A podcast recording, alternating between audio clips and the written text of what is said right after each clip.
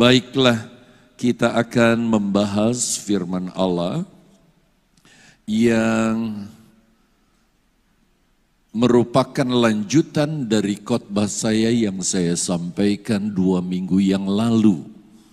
Kalau saudara masih ingat, saya berkhotbah pada saat itu tentang muliakanlah Allah dengan tubuhmu. Tetapi sore hari ini kita membahas tema muliakanlah Allah dengan hartamu. Nah, saudara, tema ini dicatat sepenuhnya di dalam kitab Amsal pasal 3 ayat yang ke-9. Kalau Bapak Ibu bawa Alkitab silahkan membuka Alkitab, temukan ayatnya. Tetapi kalau toh tidak kami sudah sediakan ayatnya di layar monitor yang saudara bisa lihat. Saya sengaja tulis Tujuannya untuk kita baca bersama-sama ayat ini. Amsal pasal 3 ayat 9. Sudah semua siap? Dua, jangan ada yang diam ya. Semua membaca firman Allah. Dua, tiga. Muliakanlah Tuhan dengan hartamu dan dengan hasil pertama dari segala penghasilanmu.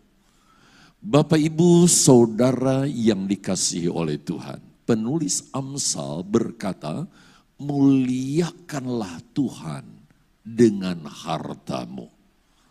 Perlu Bapak, ibu, saudara ketahui, bahkan mungkin saya yakin semua sudah mengerti, bahwa sebenarnya Allah menciptakan manusia, tujuannya tidak lain adalah supaya manusia memuliakan Allah. Kenapa? Karena Allah nggak bisa memuliakan dirinya sendiri. Dia perlu orang-orang yang memiliki kesadaran bukan seperti robot, tetapi dengan keinginan hatinya, kerinduan hatinya memuliakan Allah. Itu sebabnya diciptakannya manusia yang keturunannya sampai di abad 21 ini saudara dan saya kita diciptakan untuk memuliakan Tuhan, memuliakan Allah. Nah, tentang hal ini saudara bisa pelajari bahwa ketika manusia ada di Taman Eden, setiap saat Allah datang menghampiri man, manusia di waktu hari yang sejuk kata firman Allah. Lalu saudara Allah datang ke Taman Eden. Lalu manusia menyambut Allah dengan begitu antusias. Karena hubungan antara Allah dengan manusia ada di dalam satu hubungan yang begitu intim saudara. Dan satu waktu apa yang terjadi? Ketika manusia jatuh dalam dosa. Ketika mulai dari Hawa kan, tapi karena cintanya Adam, Adam turut memakan buah itu maka saudara kita melihat manusia dalam keadaan berdosa. Sehingga mereka sudah menyadari sepenuhnya bahwa diri mereka enggak layak menghadap Tuhan. Karena pakaian yang mereka kenakan yang saat itu pakaiannya bukan kayak begini saudara. Pakaiannya pakaian kemuliaan. Nggak perlu dicuci, nggak perlu di laundry, nggak perlu disetrika. Karena satu dengan yang lain akan melihat orang itu diliputi kemuliaan. Tapi pakaian itu sudah dilucuti dari diri mereka karena dosa.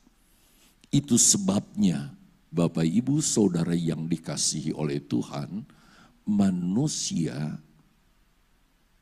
sembunyi. Dan ketika Allah seperti kebiasaannya mendatangi manusia dan menantikan sambutan manusia memuliakan dia. Datang menyambut dia. Tapi kali ini karena manusia kondisinya telanjang, mereka semuanya diam. Baik Adam maupun Hawa bersembunyi. Sehingga kita melihat Waktu ada Allah datang ke Taman Eden dan gak ada sambutan dari manusia, maka Allah bertanya kepada manusia, Adam dan Hawa. Perhatikan kata ini. Adam, Bapak Ibu bisa baca itu ya di pasal 3 ayat 8. Di mana kamu? Nah Allah bertanya Adam di mana kamu bukan karena Allah tidak tahu di mana Adam berada. Allah tentunya sangat maha tahu di mana Adam sedang sembunyi.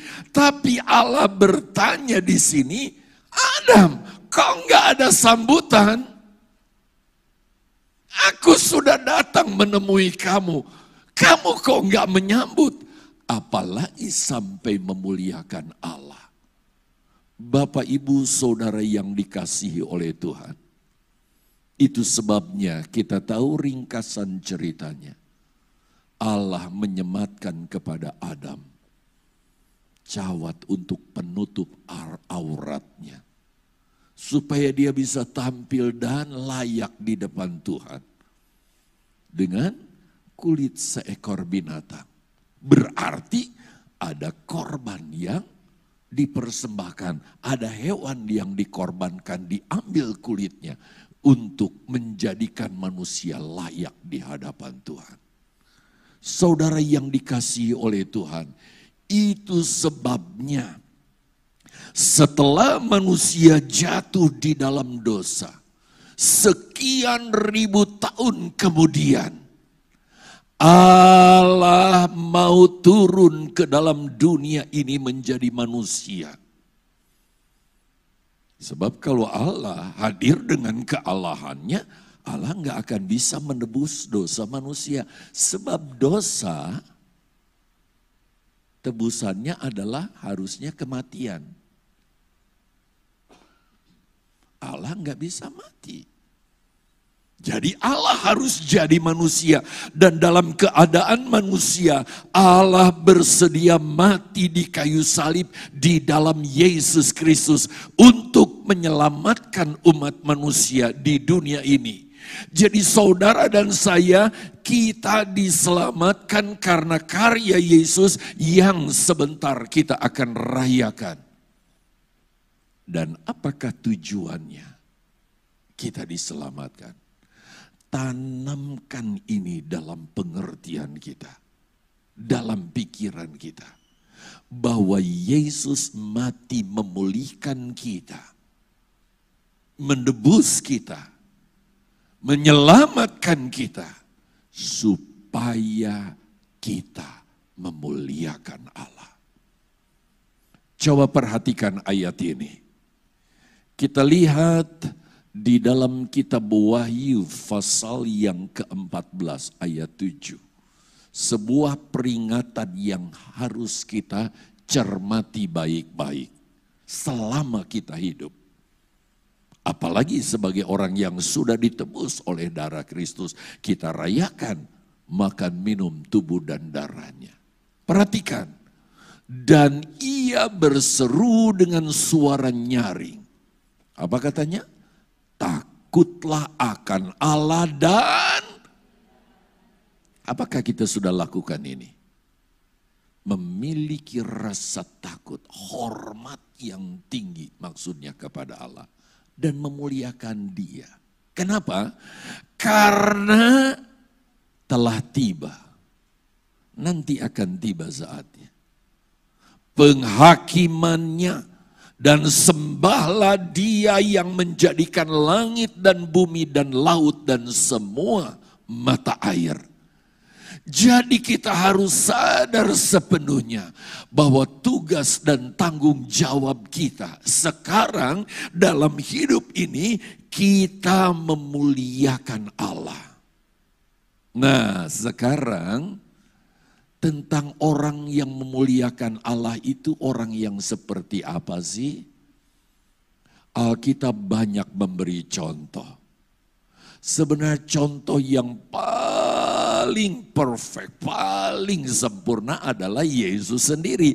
Karena Yesus kan jadi manusia dan dalam kemanusiaannya dia memuliakan Allah begitu rupa, memuliakan Bapa. Tetapi kan nanti kita bisa beralasan, saudara beralasan, oh itu kan manusia, Allah jadi manusia, nggak heranlah kalau Yesus bisa lakukan ini. Jadi saya ingin mengangkat satu tokoh yang benar-benar seperti saudara dan saya. Dan akhirnya tokoh ini saya ketemukan, yaitu seorang yang bernama Ayub. Kenapa saya pilih Ayub?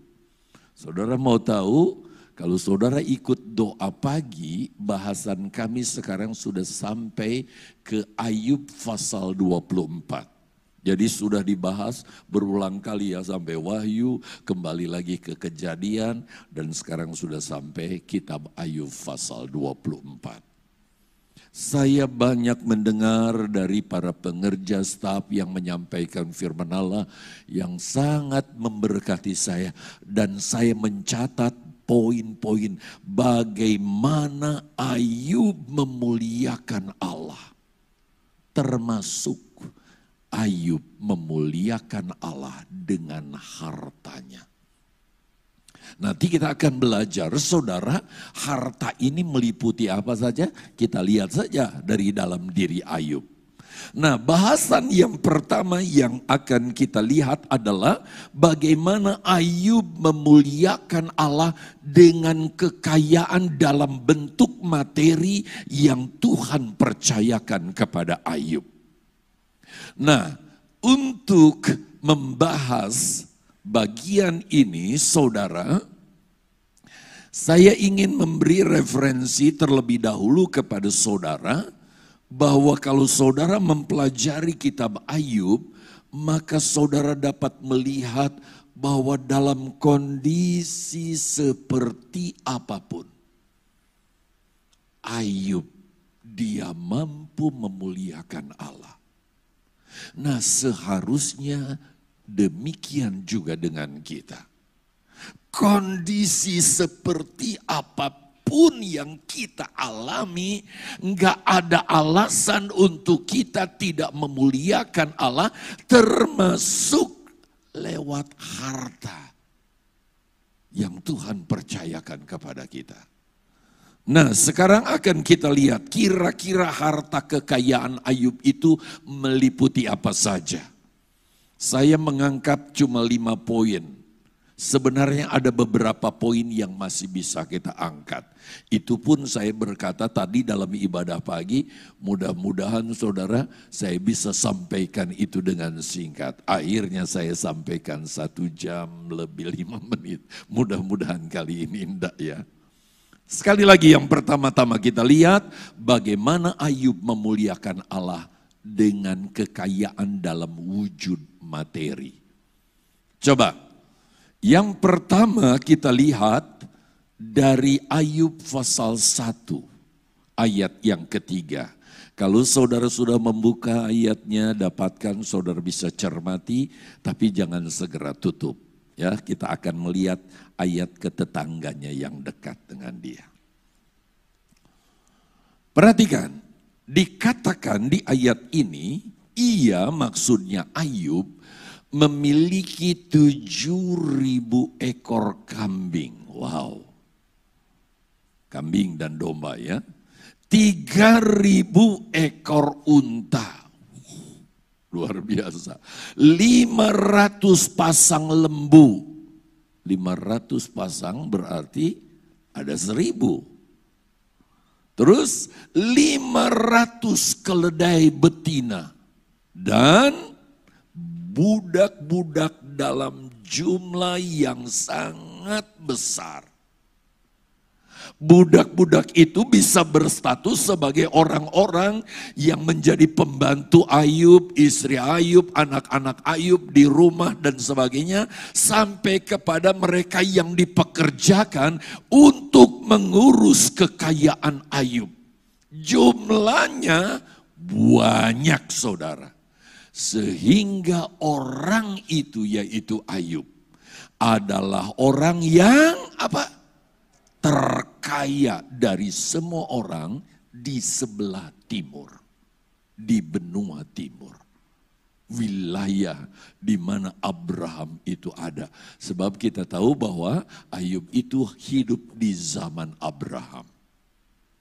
Nah sekarang kita mau cermati lebih jauh dari Judulnya Ayub memuliakan Allah dengan kekayaan atau dengan materi yang dia miliki. Nah sekarang apa yang Ayub sudah perbuat dengan harta miliknya untuk memuliakan Allah? Mungkin secara hurufiah kita tidak temukan itu. Ayub mendonasikan sesuatu melakukan ini kepada orang tertentu nggak ada catatan. Tetapi saudara, coba kita lihat dulu ayat tetangga dari ayat 3 tadi, yaitu mundur ke ayat 1. Coba lihat ayatnya saudara. Siapa Ayub ini? Dikatakan ada seorang laki-laki di tanah Uz bernama Ayub. Orang itu apa semua sebut? Saleh dan ia takut akan Allah dan menjauhi kejahatan. Ada banyak kata-kata yang luar biasa dari ayat satu ini yang bisa diangkat, tetapi saya ingin mengangkat kata saleh. Dari kata saleh saja, seharusnya saudara sudah bisa tahu apa sih yang Ayub sudah perbuat untuk memuliakan Allah dengan harta yang Tuhan percayakan kepada dia. Buat jemaat Mahanaim udah nggak susah lagi menjelaskannya. Kalau saya bertamu khotbahnya ini, wah saya harus jelaskan lagi. Coba kita lihat saja slide berikutnya. Akrab kan dengan gambar ini? Saya beri judul di situ, tingkat kekristenan Ayub kalau dihubungkan dengan 2 Petrus 1 ayat 5 sampai 8. Ayub bukan hanya sekedar beriman. Tetapi kalau saudara lihat bagaimana ketika percakapan Allah dengan iblis, Allah sendiri yang bersaksi tingkat kerohanian Ayub itu seperti apa. Terus saja bergerak sampai kepada Saleh. Sebab dikatakan ada seorang laki-laki di tanah Uz bernama Ayub, orang itu Saleh.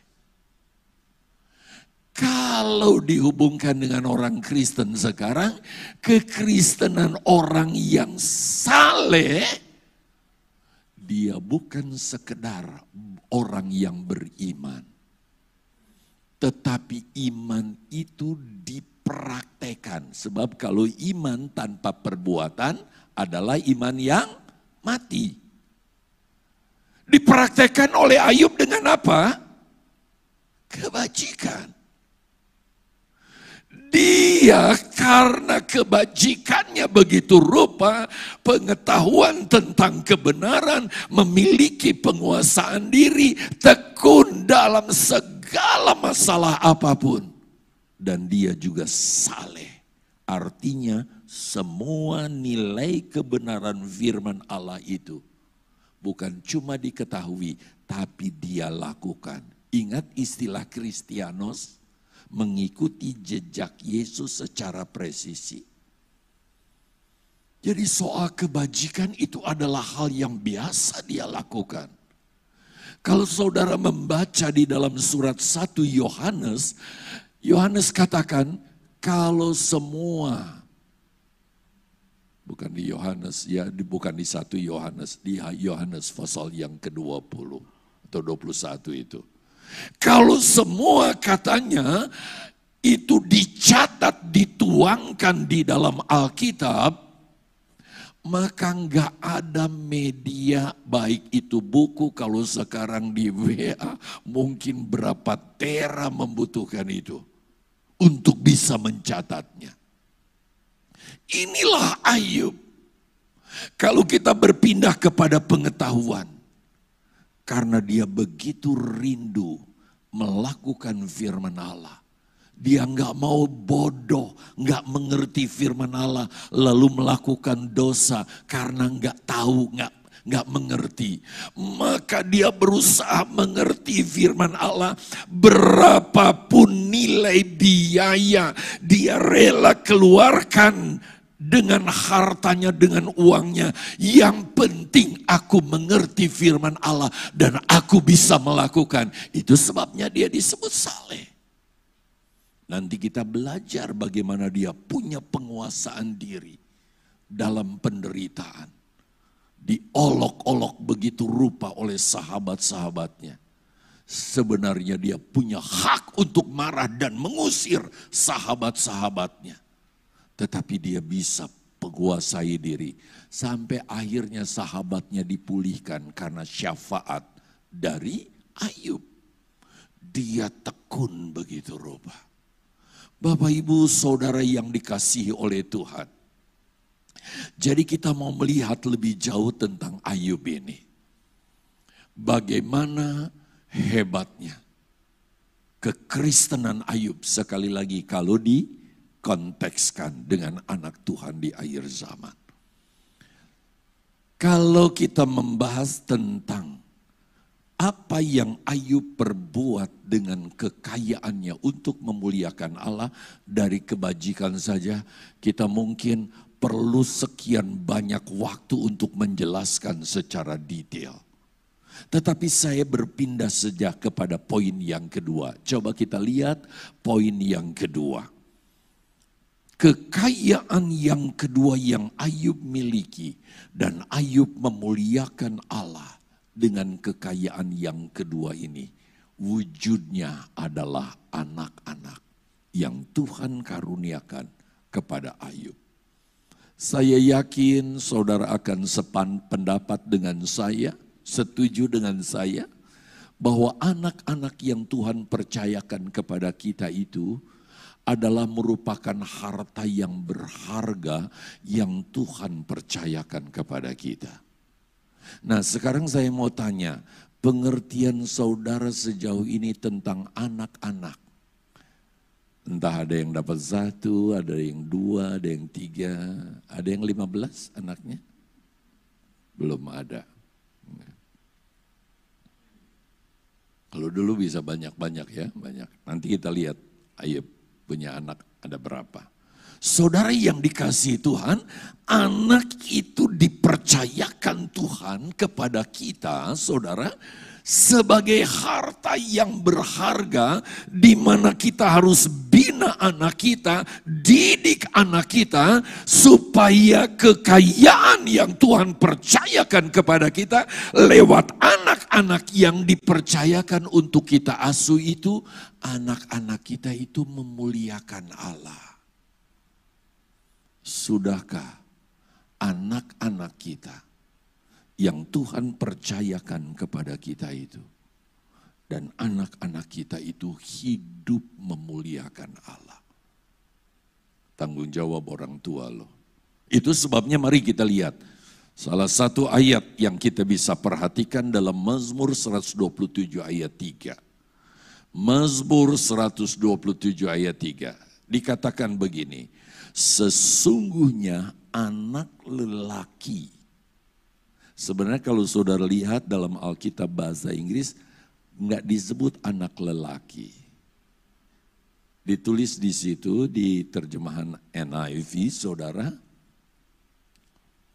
low children. Jadi anak-anak, baik itu pria maupun wanita.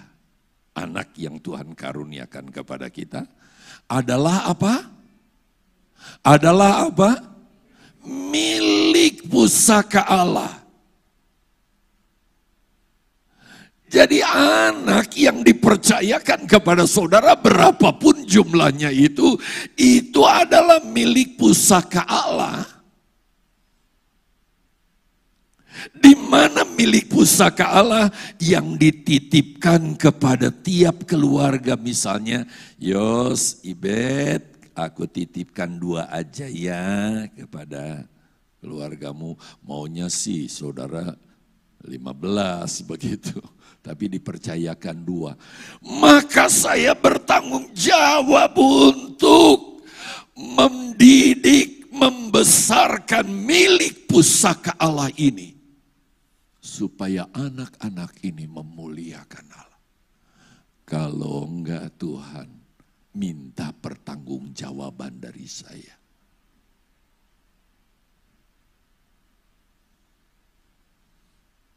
Jangan itu sebabnya saudara. Sejak dini Tuhan ingin anak itu diserahkan. Sesudah diserahkan dia menjadi karena itu milik Allah, maka kita harus bina dari kecil mengerti firman Allah sehingga dari kecil anak-anak melakukan firman Allah, memuliakan Allah hidupnya. Jangan pernah berkompromi dengan yang jahat, dengan yang salah, dengan anak. Kalau salah tetap bilang salah, didik mereka saudara. Jangan saudara berkata, ah masih kecil, nanti udah gede. Kalau pohon udah bengkok, udah tua, saudara mau luruskan pakai apa? Dari kecil. Itu tanggung jawab kita muliakan Allah. Dan Ayub melakukan ini saudara. Yuk kita lihat buktinya. Kita perhatikan bagaimana Ayub memuliakan Allah dengan hartanya yaitu anak-anaknya sebagai milik pusaka Allah. Kita lihat dari ayat 3 ke ayat 1 sekarang ke ayat 4 dan 5. Sebaiknya kita lihat saja ayatnya ya. Perhatikan saudara. Ah ini dia. Saya baca ya, saudara perhatikan. Anak-anaknya yang lelaki biasa mengadakan pesta di rumah mereka masing-masing menurut giliran, menurut giliran. Jadi Ayub punya tujuh anak laki-laki, tiga anak wanita. Mereka saudara akrab satu dengan yang lain. Mereka suka adakan kumpul keluarga adakan pesta. Wow, senang kan kalau orang tua lihat anak rukun ngumpul-ngumpul. Yang perempuan juga diundang untuk hadir saudara. Lalu mereka makan minum bersama-sama ke sepuluh saudara. Tidak tahu ketika kasus Ayub kemudian mengalami ujian begitu berat itu, ada enggak di antara anaknya yang sudah menikah, enggak ada catatan tentang ini. Tetapi kalau mereka adakan pesta, pasti mereka sudah dewasa. Nggak mungkin pesta anak-anak main kelereng paling ya. Gitu. Coba kita lihat ayat 5. Perhatikan. Setiap kali apabila hari-hari pesta telah berlalu, selesai pesta. Apa yang Ayub lakukan? Ini yang Ayub lakukan, memuliakan Allah dengan harta yaitu anak yang dipercayakan. Ayub memanggil mereka. Mungkin dikatakan, nah tadi malam kalian pesta ya, seneng ya. Papa juga senang, kamu rukun dengan adik kakakmu. Tapi kira-kira kamu lakukan apa? Oh kami gini, gini, gini, gini. Tapi Ayub nggak berhenti sampai di situ. Perhatikan dan menguduskan mereka. Pada saat Ayub hidup belum ada Taurat. Karena mereka hidup masih di masa hukum hati nurani. Sebab dari Adam sampai Musa nggak ada catatan satupun hukum. Hukumnya adalah hati nurani. Jadi kita lihat Ayub punya hati nurani yang begitu luar biasa menguduskan mereka dengan mensyafaati. Saudara suka mensyafaati anak enggak? Doakan mereka saudara. Ketika mereka sekolah, ketika mereka Jangan dimarahin terus anak kita ya. Mungkin selain jemaat yang nggak pernah lepas kami doakan sampai doa makan pun kami sebut jemaat. Kami juga sebut nama anak-anak kami. Kami doakan, termasuk yang sekarang ada di Amerika. Saya email beberapa kali nggak ada jawaban. Ternyata dia sedang mengerjakan disertasinya saudara. Sibuk rupanya dia. Tapi dia tetap memikirkan pelayanan di sini. Dia syafaati anak-anaknya di hadapan Tuhan saudara. Di hadirat Tuhan. Oh Tuhan tolong anakku. Lalu keesokan harinya Ayub mempersembahkan korban keselamatan bagi anak-anaknya. Kalau sekarang kan juru syafaatnya ya Tuhan Yesus orang tua hanya mendoakan supaya anak benar-benar takut kepada Tuhan. Sehingga mempersembahkan hidup mereka berkenan kepada Tuhan. Bayangkan saudara, setiap anak satu ekor domba. Mungkin bagi Ayub karena kaya, buat dia nggak masalah. Dan dia lakukan ini saudara, bukan satu tahun satu kali. Tadi ayatnya sudah segera sih dipindah, saya belum sampai kepada ayat lima bagian akhir. Coba. Bangunlah Ayub pagi-pagi katanya lalu mempersembahkan korban bakaran sebanyak jumlah mereka sekalian. Sebanyak sejumlah sepuluh anak. Sebab pikirnya mungkin anak-anakku sudah berbuat dosa dan telah mengutuki Allah dalam hati. Mungkin bercanda, guyon dan sebagainya sampai ke perusut mengeluarkan kata-kata ini dan itu yang bertentangan dengan kehendak Allah. Demikianlah dilakukan Ayub kapan? Senantiasa. Jadi kalau pestanya diadakan seminggu sekali, setiap minggu sepuluh ekor domba. Hartanya dia investasikan buat anak-anaknya. Supaya anak-anaknya menjadi anak-anak yang memuliakan Tuhan. Kadang-kadang kita untuk gelar dari TK, dari PAUD, TK, SD, SMP, SMA, kita cari yang terbaik berapapun dananya. Apalagi sesudah ke perguruan tinggi, aku pengen anakku S1, S2, S3. Kalau bisa sampai ke profesor dan sebagainya. Mati-matian kita habiskan apa pun saudara demi gelar.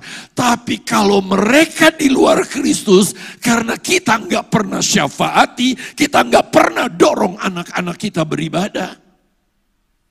Gelar yang tinggi tidak akan menyelamatkan mereka. Buat apa dia kaya raya memiliki segala sesuatu, tapi jiwanya binasa, kata firman Allah orang tua, kita punya kewajiban yang begitu luar biasa. Hendaknya kita lakukan ini. Dan berapapun dana yang kita investasikan untuk anak kita supaya dia benar-benar takut kepada Tuhan. Itu adalah sesuatu yang kita lakukan untuk memuliakan Allah.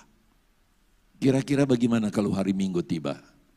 Kalau sekarang lockdown ya saudara, mungkin saudara katakan, nah nanti ya lihat lewat streaming ya, ada pikit, ada guru-guru ngajar. Kalau dulu agak susah kan, harus ngantar dan sebagainya. Itu sebuah investasi. Pak ada camp di sana Pak, ada ini retreat di mana ada pendeta ini menyampaikan khotbah ini Berapapun dananya saudara, kita investasikan yang penting mereka lahir baru dan milik kerajaan Allah. Itu sangat berarti saudara. Tapi banyak orang yang enggan melakukan ini. Ketika anak tidur, kesian. Dia sekolah Senin, Selasa, Rebo, Kemis, Jumat, Sabtu. Biarlah anak di hari Minggu tidur aja. Toh minggu depan ada gereja. Bayangkan dalam satu minggu, satu jam di gereja dengar firman Allah. Kita anggap itu sudah sesuatu yang terlalu mahal. Didik kekayaan Tuhan ini sebagai kekayaan yang harus kita persembahkan untuk memuliakan Allah. Muliakanlah Allah dengan hartamu. Nah, saudara yang kekasih di dalam Tuhan, coba kita lanjutkan. Perhatikan catatan ini. Dari mana Ayub belajar hal ini? Dia begitu rupa mendidik anak Jawabannya tentu di, di kalimat yang kedua. Hal ini tentu diwariskan secara turun-temurun. Itu sebabnya saya ajak saudara lebih dahulu melihat ke Kain dan Habel. Coba perhatikan. Saya tidak akan baca, tetapi saudara mungkin pada umumnya sudah mengerti kisahnya, bukan? Bagaimana Kain dan Habil? Kain bekerja dia sebagai peladang. Sedangkan Habil bekerja saudara sebagai peternak. Kok dia bisa mengerti bahwa setiap pergantian taruh tahun dia harus menyenangkan Allah dengan mempersembahkan dari harta yang diberikan Tuhan kepada mereka. Kain, dia membawa buah-buahan dari hasil ladangnya yang begitu baik, terbaik dia bawa. Habil, dia bawa seekor domba yang terbaik lalu dipersembahkan kepada Tuhan. Dari mana mereka belajar? Siapa yang mengajar? Sudah barang tentu yang mengajar papa mamanya Adam dan Hawa. Sekali lagi mungkin karena tidak dicatat, sebab kalau dicatat semua, Alkitab kita bawa ke gereja harus bawa kontainer saudara. Mungkin Adam dan Hawa berkata, nah hidup itu harus digunakan memuliakan Tuhan ya nah. Kamu sukses dalam usahamu nah. Persembahkan hartamu kepada Tuhan untuk memuliakan Tuhan. Baik Papa, Kenapa sih kita harus persembahkan? Ceritanya begini Luna.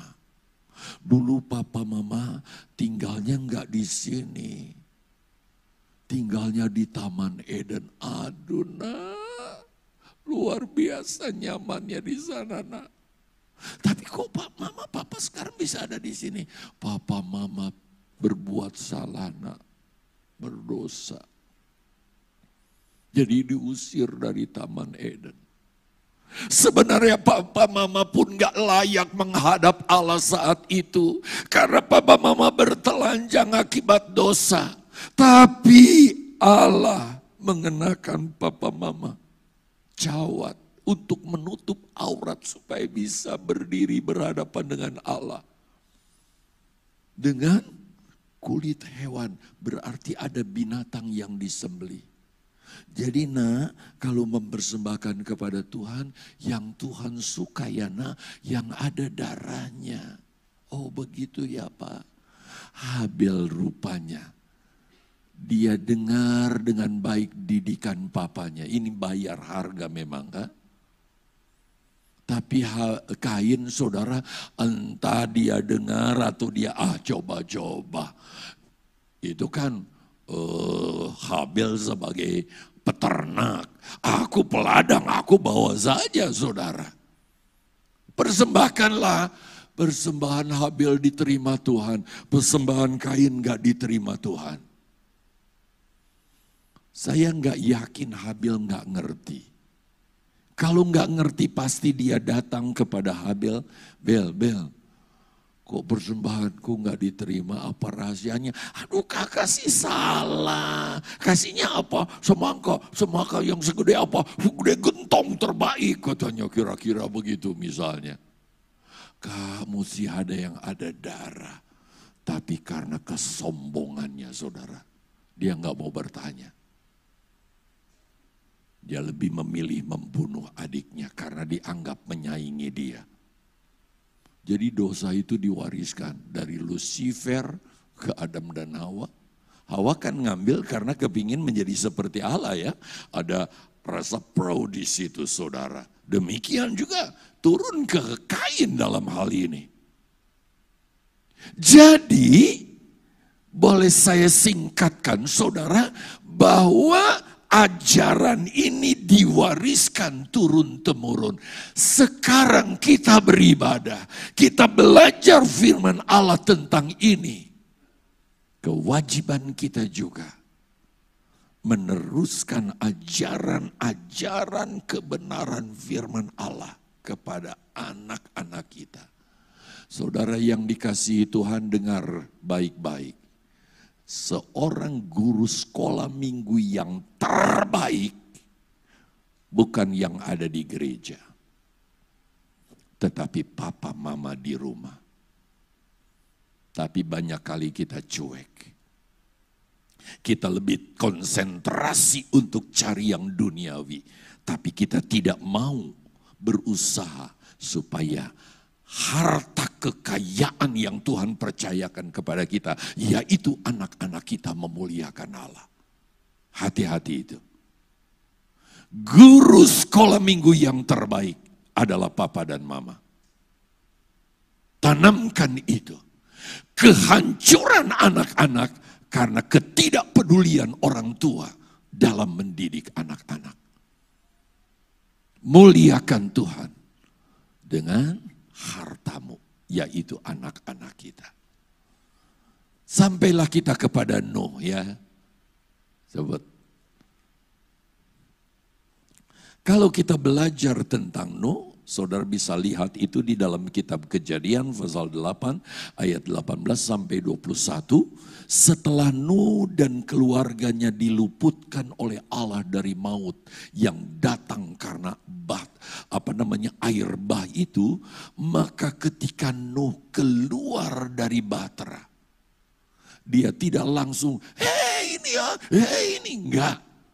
Dia buat mesbah dia mempersembahkan kepada Tuhan korban persembahan dari mana yaitu domba yang ada di dalam batra. Sebab binatang saat itu semua mati. Dan itu adalah harta, saya tidak salah kalau saya katakan itu adalah milik Nuh. Sebab itu ada di dalam batra yang dibuat oleh Nuh.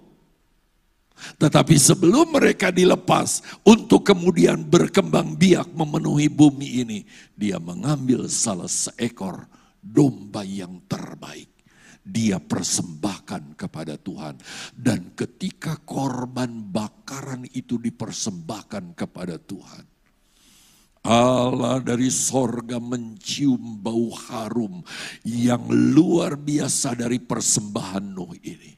Karena Nuh mempersembahkan hartanya untuk memuliakan Tuhan.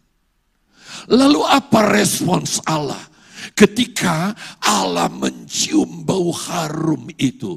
Saudara yang dikasih oleh Tuhan pada saat Allah menikmati persembahanmu, Allah merasa puas dengan persembahan harta yang Tuhan percayakan kepadamu. Lalu maka Allah saudara meresponi persembahan itu. Perhatikan ayat yang ke-21. Ketika Allah mencium bau harum persembahan Nuh yang memuliakan Allah. Saya singkatkan ini saudara.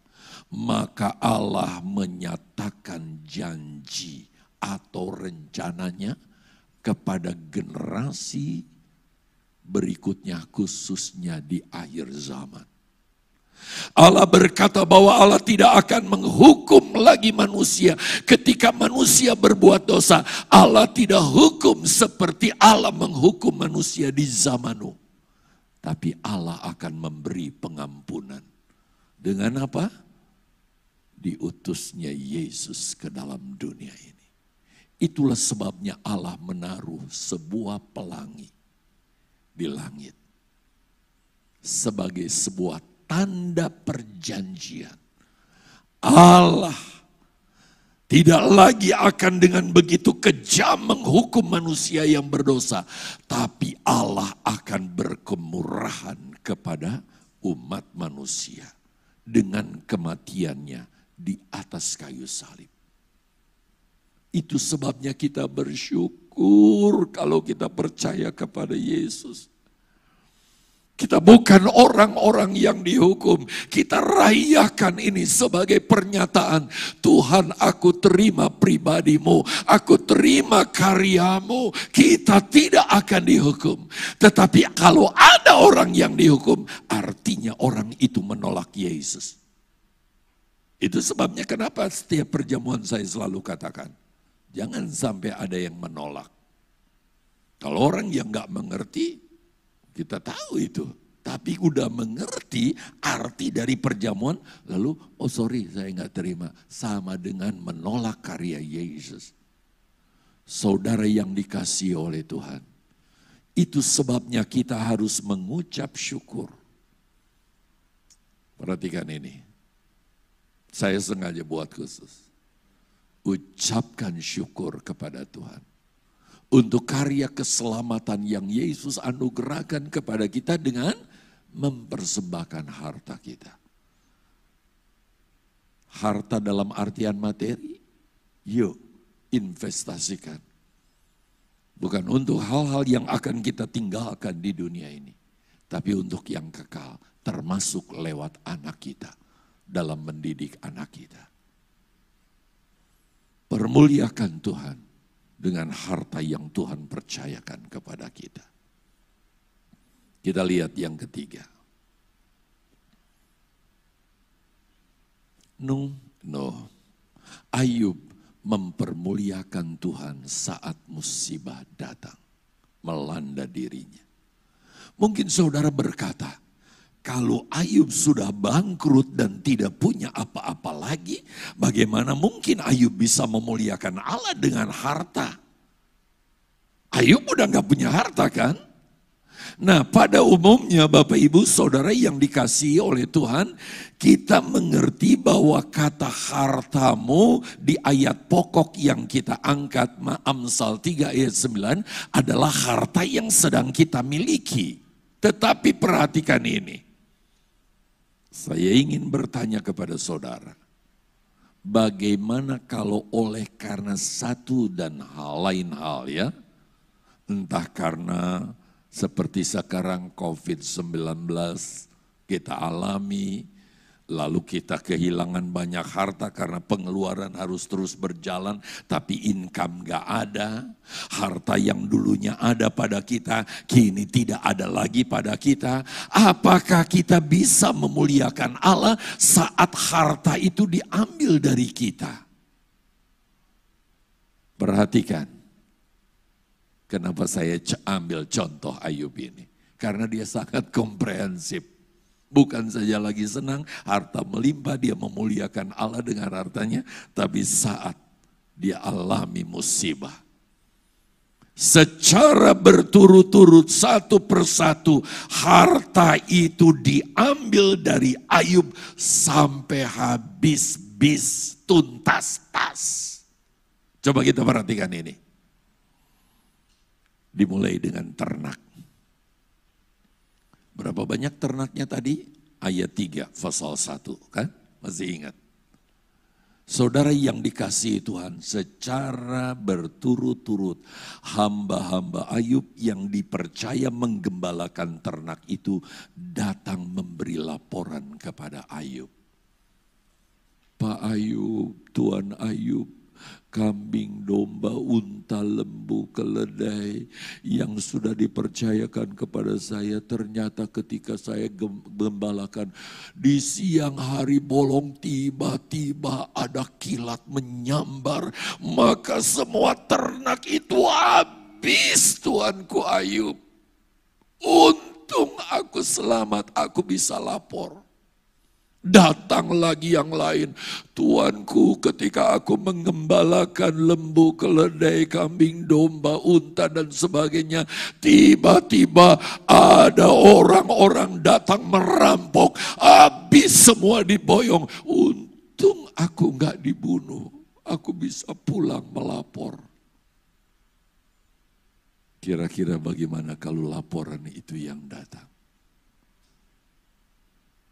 Masihkah kita dapat memuliakan Tuhan dalam kondisi seperti itu? Selagi hamba-hamba itu belum pulang, habis melapor ke Ayub, datanglah hamba-hamba yang lain melaporkan tragedi yang lain, saudara. Yaitu semua anak Ayub. Semua anak Ayub Nah itu dia. Si hamba ini datang melapor, Tuhan, ketika anak-anak Tuhan berkumpul di satu rumah yaitu rumah si sulung. Mereka sedang berpesta Tuhan, tiba-tiba ada badai datang. Lalu bangunan itu roboh Tuhan. Dan semua anak Tuhan yang ada di dalamnya tertimpa bangunan mati semua Tuhan. Untung saya bisa lolos, bisa melapor kepada Tuhan. Gak ada seorang pun luput dari anak Tuhan karena bencana. Sangat tragis kan? Saudara yang dikasihi Tuhan. Kalau harta Ayub berupa ternak ladang, diambil, oke okay dah. Asalkan anak-anak Ayub bisa tetap hidup. Kan bisa bekerja, bisa saling ini membantu satu dengan yang lain termasuk untuk Ayub juga bukan. Tetapi kita melihat saudara bagaimana anak-anak Ayub tidak bisa lagi satu pun diharapkan Bukan karena mereka nggak mau, tapi mati semuanya. Tapi Ayub tentu bisa bersyukur kenapa? Untung aku sudah syafaati anakku. Aku didik anakku. Kalau toh dia dipanggil Tuhan itu kehendak Tuhan, dia ada bersama Tuhan di sorga. Saudara, Jangan pikir yang sudah reot badannya fisiknya, udah mau ke kuburan, ah itulah yang bakal giliran mati. Ketika angin bertiup, tidak selamanya daun yang kuning yang akan gugur. Tidak sedikit pucuk-pucuknya ikut gugur. Dalam beberapa hari ini kami terima kabar duka saudara. Rekan hamba Tuhan ada di Bekasi. Dia menceritakan anak menantunya yang masih berusia 40 sekian tahun. Dipanggil Tuhan. Untung dia anak walaupun dari seberang awalnya. Ngerti dari seberang? Dia percaya kepada Yesus. Dia juga mengerti mempersembahkan kepada Tuhan untuk kemuliaan Tuhan. Eh kemarin kami dengar rekan hamba Tuhan satu pelayanan saudara di Jawa Timur. Kemudian dia dipercaya menggembalakan di Samarinda. Papanya ini sudah sakit-sakitan saudara. Parkinson dan sebagainya. Anaknya baru 40 tahunan. Dipanggil Tuhan. Tapi syukur mereka adalah hamba Tuhan yang sudah diinvestasikan oleh orang tuanya untuk melayani Tuhan. Syukur kalau anak kita di dalam Tuhan. COVID bisa menyerang siapa saja secara tiba-tiba. Kalau kita acuh terhadap yang satu ini, ini sangat berbahaya saudara. Sekarang dengan kematian anaknya, tidak ada satupun anak yang bisa diharapkan lagi. Kecuali Ayub berharap kepada Tuhan. Saudara yang dikasihi oleh Tuhan. Apa yang Ayub lakukan? Ketika hartanya semua dicuri. Iblis pencuri menurut Yohanes 10.11. 11. Ayub memuliakan Allah dan bersyukur kepada Allah. Wow ini saya betul-betul terharu saudara. Coba kita lihat saja ayat ini. Walaupun sedikit panjang tapi sangat baik untuk kita perhatikan. Yuk kita lihat Ayub 1 mulai ayat 20. Ayub 1 ayat 20. Maka berdirilah Ayub ketika mendengar hartanya habis, anak-anaknya habis. Lalu mengoyak jubahnya. Kalau saya pakai jas ini jubah dikoyak. Dan mencukur kepalanya. Waduh digunduli kepalanya. Kemudian sujudlah ia dan menyembah. Wow. Mungkin salah satu yang dia syukuri Tuhan, terima kasih. Anakku selamat karena aku didik mereka dan anak-anakku takut kepada Tuhan. Aduh, kalau keluarga kita dipanggil Tuhan, belum kenal Tuhan, alamatnya di mana mereka, saudara? Inilah yang Tuhan mau memuliakan Allah dengan harta kita. Coba kita lihat ayat 21. Katanya, dengan telanjang aku keluar dari kandungan ibuku. Waktu telanjang dia nggak bawa sesen pun saudara.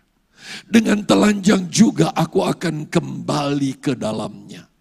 Tuhan yang memberi harta, Tuhan yang memberi anak. Tuhan yang mengambil sudah pasti tahu alamatnya karena didikan orang tua itu yang bisa bersyukur. Itu sebabnya dia bisa berkata apa? Terpujilah nama Tuhan. Wow. Dahsyat. Coba lihat ayat 22. Dalam kesemuanya itu, Ayub tidak berbuat dosa dan tidak menuduh Allah berbuat yang kurang patut. Orang yang tahu memuliakan Allah, dia akan berpikir positif tentang Allah. Bahwa semua jalannya adalah sempurna. Yuk kita lanjutkan kepada yang ketiga. Ah Ayub masih berharap kepada yang satu. Yaitu kesehatan. Setelah harta dan anak-anak Ayub diambil dari Ayub satu-satunya harta yang tersisa dalam diri Ayub adalah kesehatannya. Mungkin Ayub berpikir begini saudara, biar aku tinggal di gua dululah. Menyendiri, sebab orang-orang zaman dahulu tinggal kalau nggak di tenda-tenda di goa-goa saudara. Aku akan merintis lagi dari nol kecil-kecilan dengan istriku. Pelan-pelan nanti aku bisa sukses lagi kesehatan jadi harapan buat Ayub. Tetapi apa yang terjadi dengan Ayub?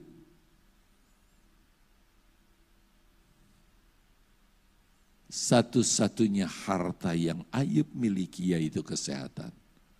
Diizinkan oleh Tuhan untuk diambil oleh iblis. Si pencuri, pembunuh, pembinasa ini. Tuhan izinkan. Lalu Ayub menderita penyakit yang disebut sakit barah.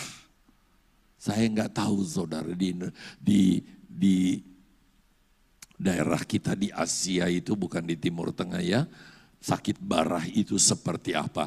Tetapi kita hanya tahu dari referensi apa yang dicatat dalam Alkitab. Bahwa penyakit barah ini membuat orang yang sakit sangat menderita Penderitaannya saudara bukan hanya sekedar sakit fisik.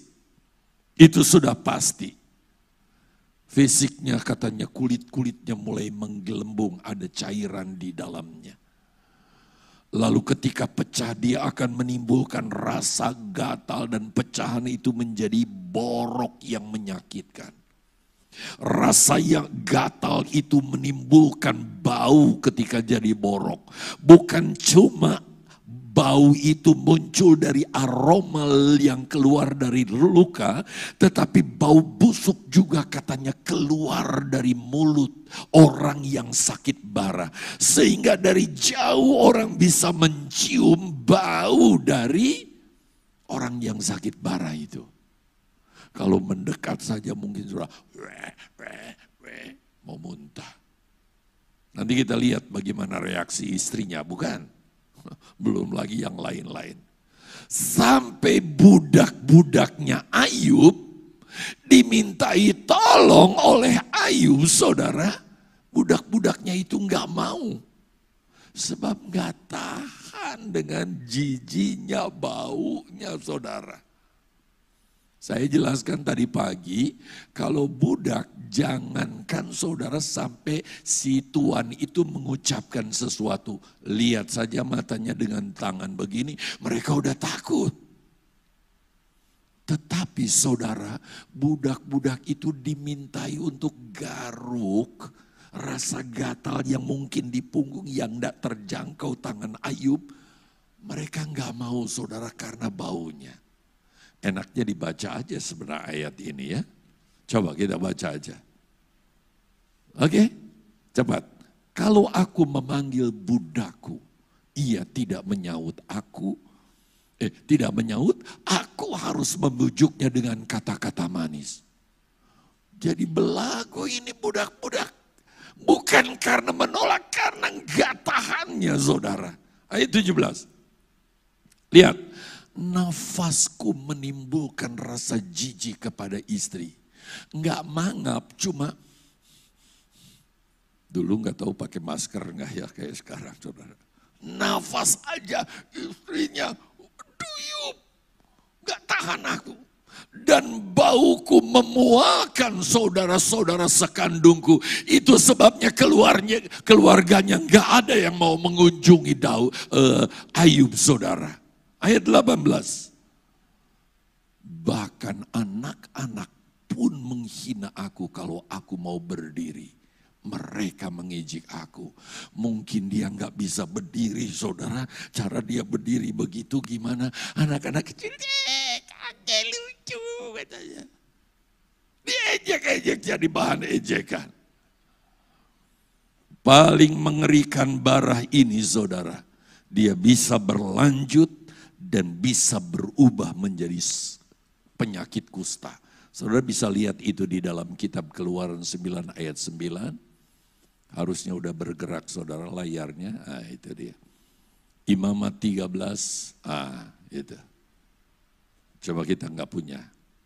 Lalu pertanyaannya buat kita, dapatkah kita memuliakan Allah pada saat kekayaan termasuk kekayaan yaitu kesehatan kita diizinkan Tuhan diambil dari kita oleh iblis. Seperti yang dialami Ayub. Sekarang kita tanya aja kepada Ayub, bagaimana dengan Ayub? Bagaimana dengan Ayub? Apakah Ayub memuliakan Allah dalam kondisi seperti itu? Kita mesti angkat jempol kepada Ayub. Itu sebabnya saya angkat tokoh ini saudara. Sebagai contoh memuliakan Allah dengan harta, bukan saja ketika kelimpahan. Yuk, kita lanjut. Ternyata saudara, kita melihat Ayub tetap memuliakan Allah pada saat segala-galanya tidak lagi mendukung dirinya. Yuk, saya akan merinci ya supaya kita mengerti lebih jauh, lebih detail. Saya akan memulai dari ayat 8 pasal yang kedua. Kisahnya saat itu Ayub sedang menggaruk badannya saudara. Saking gatalnya sampai dia nggak bisa lagi menggaruk dengan kukunya. Nggak mempan. Dia ambil beling kalau lihat bahasa Alkitab. Itu pecahan tembikar. Kalau ada apa namanya uh, guci yang pecah itu diambil saudara lalu dipakai buat garuk. Bagian punggung yang dia nggak bisa jangkau dia bisa dia minta tolong istrinya, mam tolong dong mam garukin punggungku. Udah bau istrinya nggak bisa hadapi suami kayak begini. Apa komentar istrinya? Coba kita lihat saudara. Ayat 9. Saya tulis utuh seperti yang tertulis di Alkitab. Masih bertekunkah engkau dalam kesalehanmu? Kutukilah Allahmu dan matilah. Kalau pakai bahasa kasar, masih saja ke gereja sebut-sebut nama Tuhan, mate aikon. Kira-kira kalau logatnya Jawa Timur. Itu sebabnya kalimat ini saya ingin angkat. Coba kita perhatikan. Saya ingin membahas yang pertama, saya angkat kata kesalehan. Masih bertekunkah engkau dalam kesalehanmu? Apa artinya saudara? Artinya, walaupun Ayub sudah habis-habisan begitu rupa. Hanya tinggal nafas yang ada di dalam dirinya, itu kekayaannya saudara. Dia tetap memuliakan Allah. Kenapa? Istrinya berkata, masih bertekunkah engkau dalam kesalehanmu? Jadi walaupun Ayub sudah habis-habisan, dia tetap saleh. Kalau posisinya ada di posisi sini saleh, dia nggak turun satu terap juga saudara. Dia tetap saleh di hadapan Tuhan. Ih, saya nggak bisa bayangkan orang Kristen yang kekuatan rohaninya begitu luar biasa iman Ayub, kesalehan Ayub tidak alami degradasi sedikit pun. Walaupun penderitaan begitu berat menimpa dirinya. Sekarang kata yang kedua dalam ayat ini yang kita akan perhatikan. Istri Ayub perhatikan saya catat ulang. Masih bertekunkah engkau dalam kesalehanmu? Kutukilah Allahmu. Kok istrinya pakai kata kutukilah Allahmu? Berarti kan ini Allahnya Ayub, bukan Allahnya dia. Dengan lain kata, perhatikan, istri Ayub sudah nggak percaya lagi kepada Allah. Jadi ketika dia saudara melihat Ayub seperti itu, dia berkata, kutuki Allah yang kamu menjadi saleh karenanya. Aku enggak lagi. Aduh, luar biasa. Istri-istri harus seimbang ya dalam rumah tangga. Beriman dua-duanya. Jangan pincang. Yang satu setia, yang satu sungguh-sungguh, yang satu enggak. Kalau bangunan rumah tiangnya salah satu rapuh, saudara, ambruk itu. Yo istri, dukung suami. Suami, bina istri, sama-sama bangun. Baik rumah tangga maupun kekristenan. Sebab nggak mungkin kita bisa mendidik anak-anak kita, kita memanfaatkan materi yang Tuhan percayakan kepada kita demi kemuliaan Allah. Kalau kita nggak punya kesehatian. Suami punya keinginan begini, oh coba jangan. Yang satu juga ingin begini, yang si suami katakan jangan. Tapi kalau sehati, waduh luar biasa. Istri Ayub sudah tidak memiliki percaya. Itu sebabnya coba kita lihat saudara, bagaimana reaksi Ayub ketika istrinya berucap seperti itu. Lihat ayat 10. Tetapi jawab Ayub kepadanya, maksudnya kepada istrinya. Engkau berbicara seperti perempuan gila. Saya nggak mengajar saudara untuk ngomong gila kepada istri atau kepada siapa pun. Tapi dia pakai istilah seperti perempuan gila. Apakah kita tidak mau menerima yang baik dari Allah, tetapi tidak mau menerima yang buruk? Ditegur dengan begitu keras menyadarkan dalam kondisi baik kita memuliakan Allah dengan harta kita. Dalam kondisi tidak baik sekalipun kita memuliakan Allah dengan harta. Walaupun harta kita kurang nyawa, tinggal nyawa. Ini yang Ayub lakukan. Sungguh luar biasa saudara. Sangat-sangat luar biasa. Ternyata nasihat Ayub itu sangat-sangat mempan. Teguran Ayub membuat istri Ayub sadar dan bertobat. Jadi rupanya suami istri harus saling mengingatkan. Ya, Ketika istri salah jangan dibiarkan. Istri, suami salah jangan dibiarkan. Tapi dengan cara yang baik ya. Sejak Ayub tegur istrinya, Silahkan baca saudara. Istri Ayub tidak lagi lakukan persungutan. Tidak lagi melakukan hal-hal yang bertentangan. Sebaliknya, Allah mengampuni istri Ayub. Buktinya apa? Diizinkan istrinya itu terus mendampingi Ayub. Kalau enggak, Allah habisi saja istrinya. Daripada Ayub terus di ini tapi bertobat. Sehingga dia mendampingi terus Ayub, bahkan ketika Ayub dipulihkan, Tuhan percayakan rahim istri Ayub yang sudah melahirkan sepuluh anak, dipakai lagi untuk melahirkan sepuluh anak. Sepuluh anak. Anaknya sama lagi saudara. Tujuh laki-laki, tiga wanita. Sehingga ketika Ayub dipulihkan, seluruh kekayaan Ayub saudara dikembalikan oleh Tuhan dua kali ganda. Jadi kalau saudara baca kekayaan Ayub di Ayub 1 ayat 3 ketika dipulihkan jumlahnya dua kali lipat. Anak-anaknya juga dua kali lipat. Kenapa? Yang sepuluh mas ada di sorga, yang sepuluh ada di bumi. Dididik. Sehingga kalau Ayub, kita bisa ketemu Ayub di sorga. Dengan istrinya dan dua puluh anaknya. dua puluh duanya semuanya ada di dalam sorga. Tadi sampai guyonan saya kepada rekan pengerja yang masih muda. Bikin anak yang banyak, kalau bisa dua puluh anak. Nah, Kayak Ayub.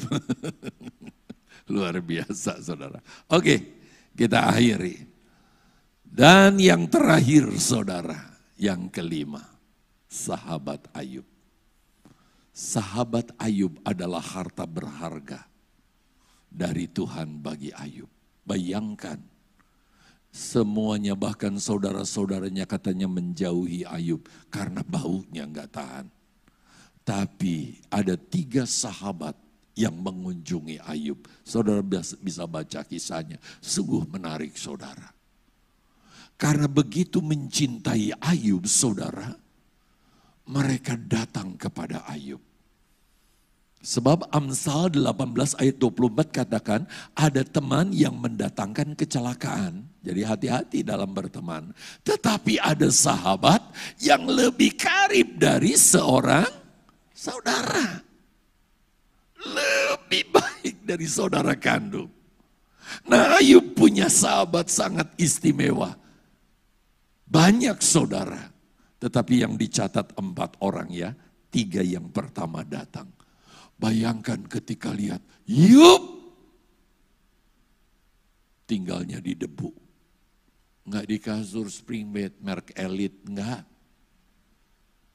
Di debu Yup. Eh teman-teman, saya ingat aku ya. mereka nggak bisa ngomong. Seminggu, saudara tujuh hari. Ayub duduk di situ, tiga sahabatnya duduk. Mereka cuma nangis. Meratapi kondisi Ayub. Mana tahan saudara, bertamu tujuh hari nggak dikasih makan. Berarti dia mungkin cari makan sendiri. Cuma nangis, aduh Yub, kok bisa begini Yub. Cuma sayang saudara. Sangat disayangkan.